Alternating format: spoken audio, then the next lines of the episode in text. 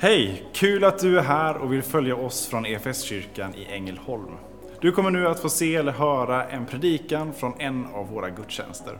Har du några frågor eller vill veta mer om oss som kyrka så kan du alltid gå in på www.efskyrkan.info. Vill du ha tillgång till mer undervisning eller ta del av våra inspelade konferenser eller gudstjänster gå gärna in på vår Play-kanal, efskyrkan.tv. Nu ska vi lyssna på denna veckas predikan. Jag tackar Jesus för att du är här idag och tack för att Karl är här idag. Du ser precis det som du och Karl har snackat om denna veckan. Tack Jesus för att du nu också vill att han ska förmedla vidare till oss. Så jag ber för Karl och jag ber för oss allihopa att, att vi ska få rätt, rätt eh, att vi ska få höra det du hör. Eh, att vi ska få höra det som du vill säga oss idag. Det ber jag med ditt namn. Amen.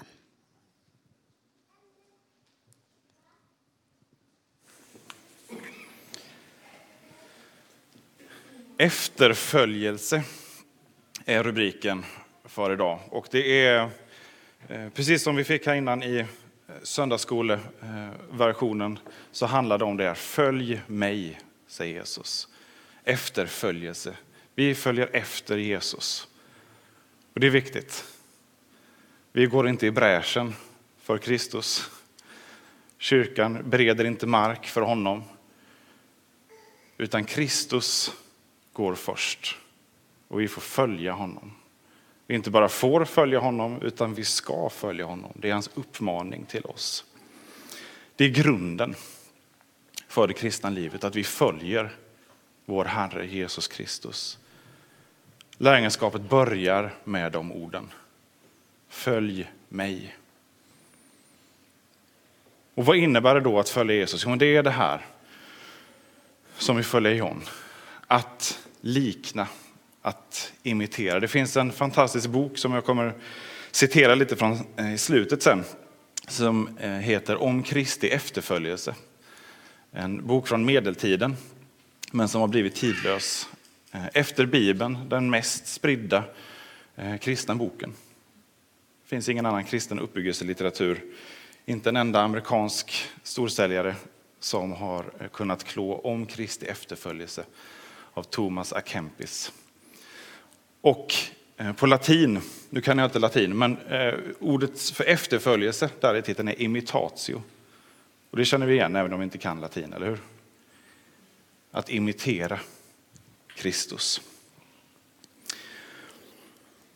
Och det är, vi, det är kristna överens om. Det här, är inga, det här är inte så kontroversiellt. Vi ska likna Jesus. Men vad innebär det att likna Jesus? Vad innebär det att med hela mitt liv synliggöra honom därför att jag imiterar honom? Vår vision här i kyrkan säger att vi vill vara en kyrka som återspeglar Guds hjärta. Alltså som visar Guds karaktär, Guds vilja, Guds värderingar. Och när vi talar om lärjungaskapet, om det kristna livet, vad är det vi lyfter fram? Om vi ska sälja in lärjungaskapet. Vad är det vi lyfter fram då? Ja, vi kanske rättfärdighet, vi får del av, av Kristi rättfärdighet. Vi får evigt liv precis som han.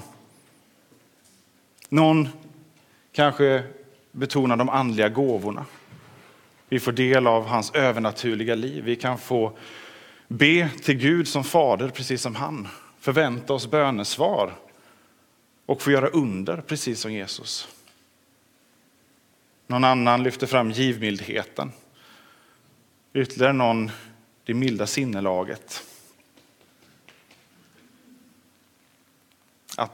I allt och på alla områden efterlikna Jesus. What would Jesus do? Det låter ju bra och fint, eller hur? Så låt oss då lyssna på vad Jesus själv säger. Matteus 16 säger Jesus så här till sina lärjungar. Om någon vill gå i mina spår måste han förneka sig själv och ta sitt kors och följa mig. Ty den som vill rädda sitt liv ska mista det. Men den som mister sitt liv för min skull, han ska finna det. Vad hjälper det en människa om hon vinner hela världen men måste betala med sitt liv? Med vad ska hon köpa tillbaka sitt liv? Människosonen ska komma i sin faders härlighet med sina änglar och då ska han löna var och en efter hans gärningar.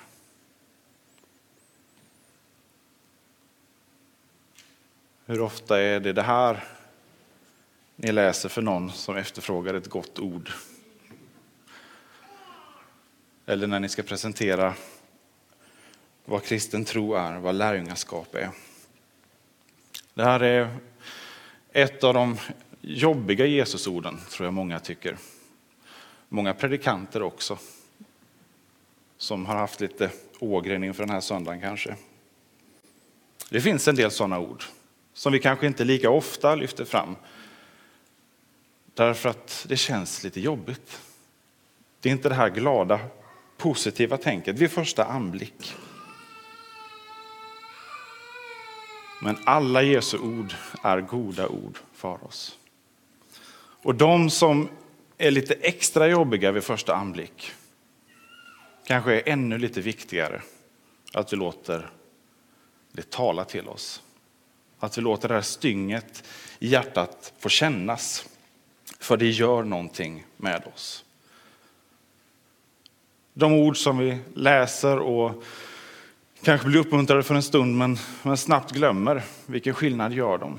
Vi har många goda löften att stå på. De ska vi upprepa ofta, dagligen, flera gånger dagligen. Men låt oss inte undvika det som sticker till och det som är jobbigt. För där sker växt. Där sker en omistlig del av Kristuslikheten. Ska vi vara Kristuslika så måste vi kunna läsa alla hans ord, lyssna till alla hans ord och också lyda alla hans ord. Men så många gånger så finns det ord, inte bara det här, det finns många andra som vi kanske... Eh, det är inte bara det att vi inte läser det ofta, men läser vi det så försöker vi förklara bort det. Jag vet inte hur många predikningar jag har hört om den unge rike mannen som kommer till Jesus och frågar vad han ska göra och svaret blir i slutändan sälj allt du äger och ge till de fattiga. Jag tror jag har hört fler predikningar som handlar om varför det här egentligen inte berör oss, utan det var den mannens bekymmer. För att vi vill inte närma oss sanningen i det och utmaningen i det. Kanske just för att vi är rika, i stort eller litet. Men efterföljelse det är att bli lik Jesus på alla områden. Att följa är allt. Och här säger Jesus att utgångspunkten i det, den som vill följa i mina spår måste förneka sig själv och ta sitt kors.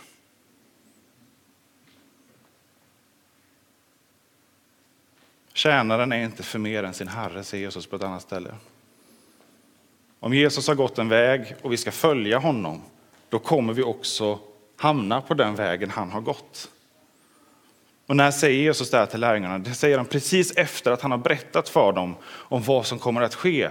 Att han kommer att bli dödad för vår skull.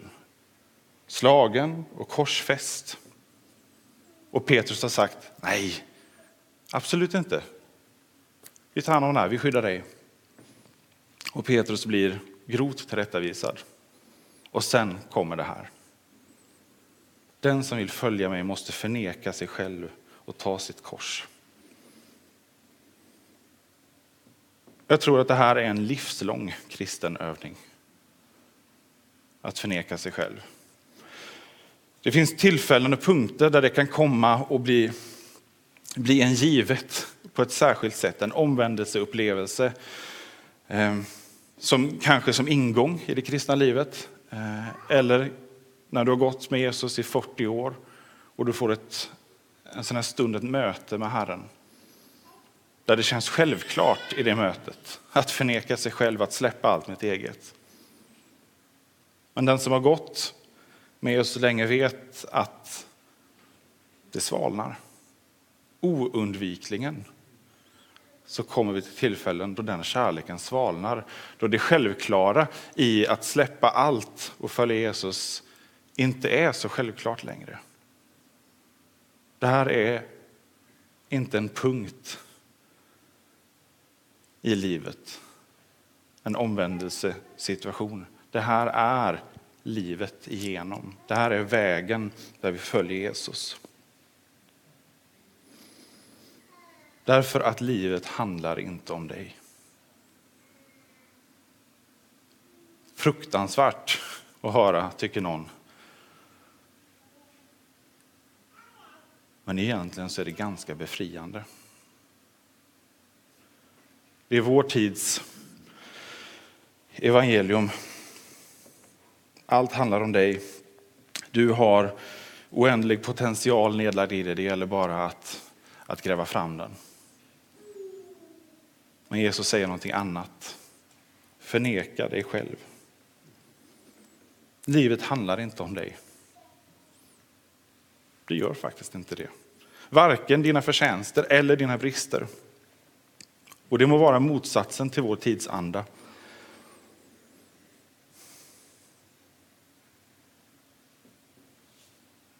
Men här finns en enorm befrielse. Livet handlar inte om dig. Det handlar om Kristus.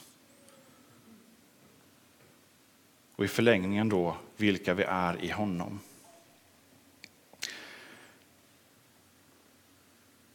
Kristen tro, eller, kristen tro är, är vad kristen tro är, men kristen kultur kan man säga har inte gått opåverkad av vår tid, vår tidsanda. Eh, det vi hör predikas och det vi, eh, det vi ser säljer bra på kristna topplistor och sådär har många gånger blivit som kristen självhjälp eller kristet positivt tänkande, kristet life management. Men som egentligen bara blir en, en kopia av den här tidsåldern.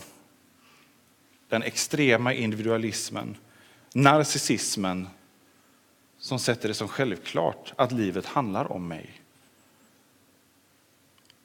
Och så kan man försöka klä det i, i kristna ord och, och sådär, men, men fokuset blir helt snett om jag är utgångspunkten för livet. Därför att då kan jag också leva mitt liv på bekostnad av precis allt och alla. Här är det kristna lärjungaskapet motsatsen.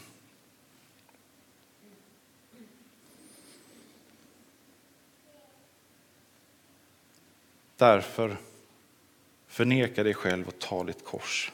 Omvänd dig. Också ett uttryck som återkommer. Det handlar inte om att tona ner syndens konsekvenser i våra liv. Det handlar om att ta ansvar för det jag är och det jag gör. Att se det, inse det och bekänna det. Och inte gömma det i någon form av självbedrägeri om att jag skulle ju vara fantastisk. Jag skulle ju ha alla möjligheter i världen. Då blir skuld någonting väldigt farligt.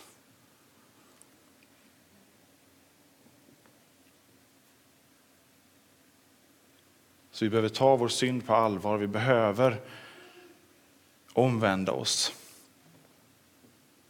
Men är det också samtidigt inte heller förstora vår betydelse, vår synds betydelse. I ljuset av vad Jesus har gjort på korset så är din synd minimal. Det som har varit och som skapar en till synes oändlig avgrund mellan oss och Guds helighet är i ljuset av korset som överbryggar det gapet så litet som ingenting.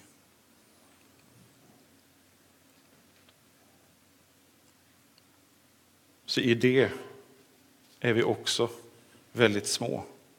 Och vi får vila i dopet. i att Jesus har valt att dö för dig och att skänka dig liv i uppståndelsen. Det är utgångspunkten. Allting blir oss givet genom Jesus Kristus.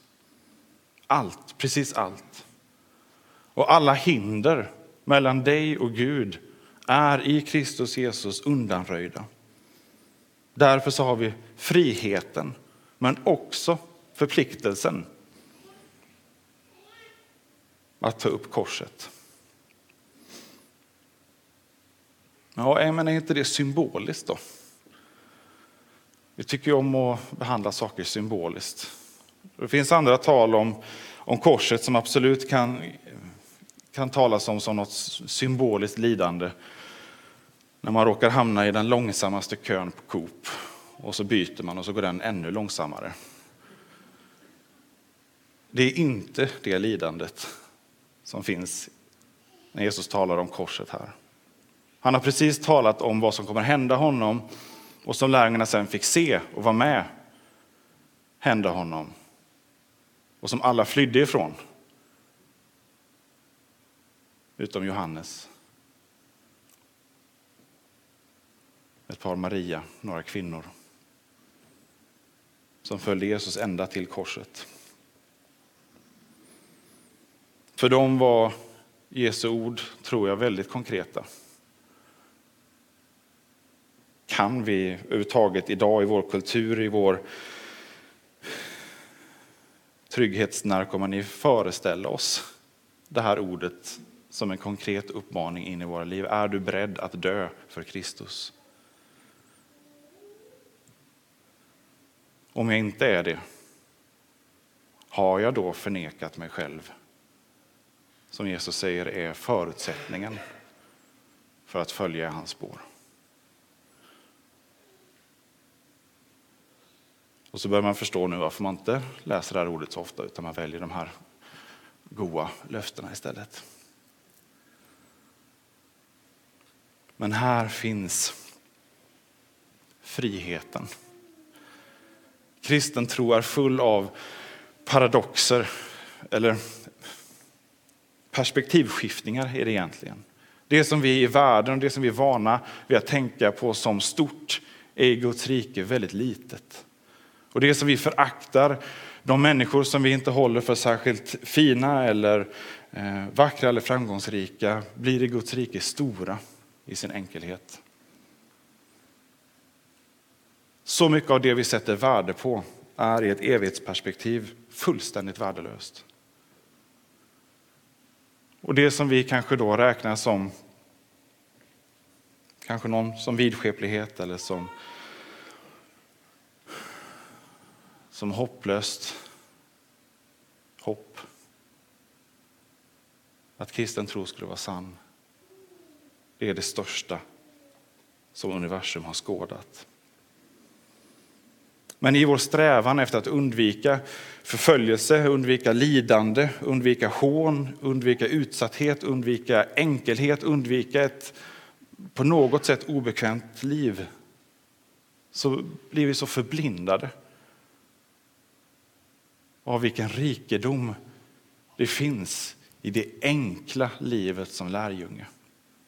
Det menar inte enkelt som är att det är lätt om man tar det med en klackspark, tvärtom. Men enkelt som i, för den här världen ser det inte mycket ut. Och för att det inte ser mycket ut för den här världen så vill vi istället imponera på världen. Köra på världens villkor och så får vi de här topplistorna med vår tids evangelium klätt i kristna termer. Men det imponerar inte. En amerikansk journalist skrev en krönika med, med anledning av eh, ett antal pastorer som byggt stora sammanhang och sen eh, tappat fotfästet fullständigt. Den här journalisten är inte kristen och skriver jag har inte blivit ett dugg imponerad över när de här pastorerna har försökt efterlikna det jag redan känner till. Det stora, det imponerande, eh, de dyra klockorna. För jag vet att det är tomt om kristen tro ska ha någon form av attraktionskraft hos mig så måste det vara någonting som är helt annorlunda än allt det jag redan har prövat. Och vi får be om Guds nåd över den journalisten att han också hittar Guds nåd i det här. För friden infinner sig som bekant inte i den ändlösa jakten efter tillfredsställelser, efter distraktioner. Komikern och skådespelaren Jim Carrey, eh, han var ett tag den bäst betalda skådespelaren i Hollywood. Han har sagt att jag önskar att alla vore precis lika rika som jag, så att de också fick erfara att man inte blir ett dugg lyckligare av det.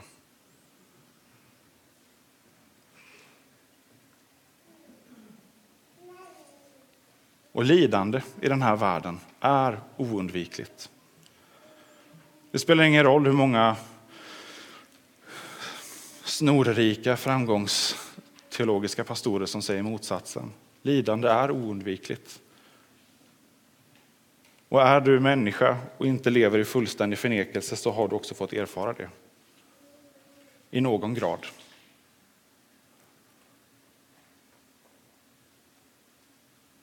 Vi kan inte undvika lidandet. Men vi kan gå tillsammans med Jesus. Och vi kan gå rakt in i och rakt igenom lidandet därför att han har lidit mer än någon av oss. Han har känt varenda frestelse, varenda plåga som du och jag har känt. Och han går vägen före oss igenom det. Och vi kan leva det här livet utan att möta någon världslig välsignelse, någon fysisk eller karriärsmässig eller hälsomässig framgång och ändå ha allt om vi följer Jesus.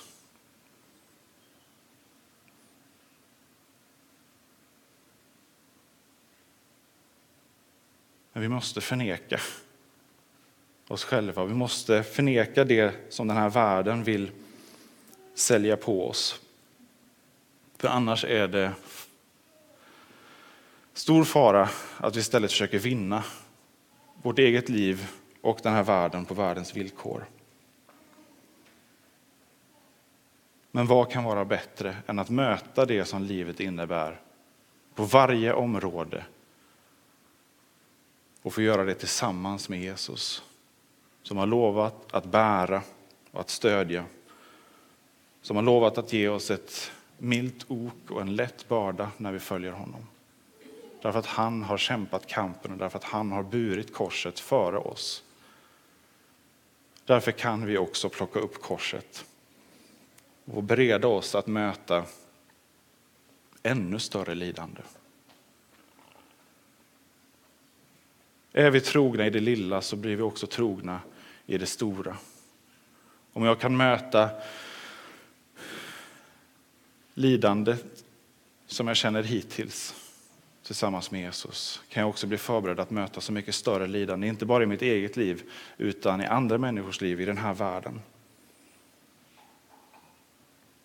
När vi ber Jesus så låter honom få befria oss från oss själva, från vår egen längtan och strävan, avslöja våra falska mål och avgudar.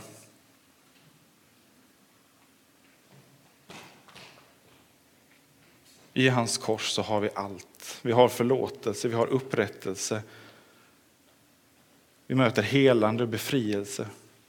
För att han gjort och är allt för oss. Då är det inte något hot att ta upp sitt kors och följa honom. Jag kan inte bli något större eller något mer än vad jag redan är i Kristus Jesus.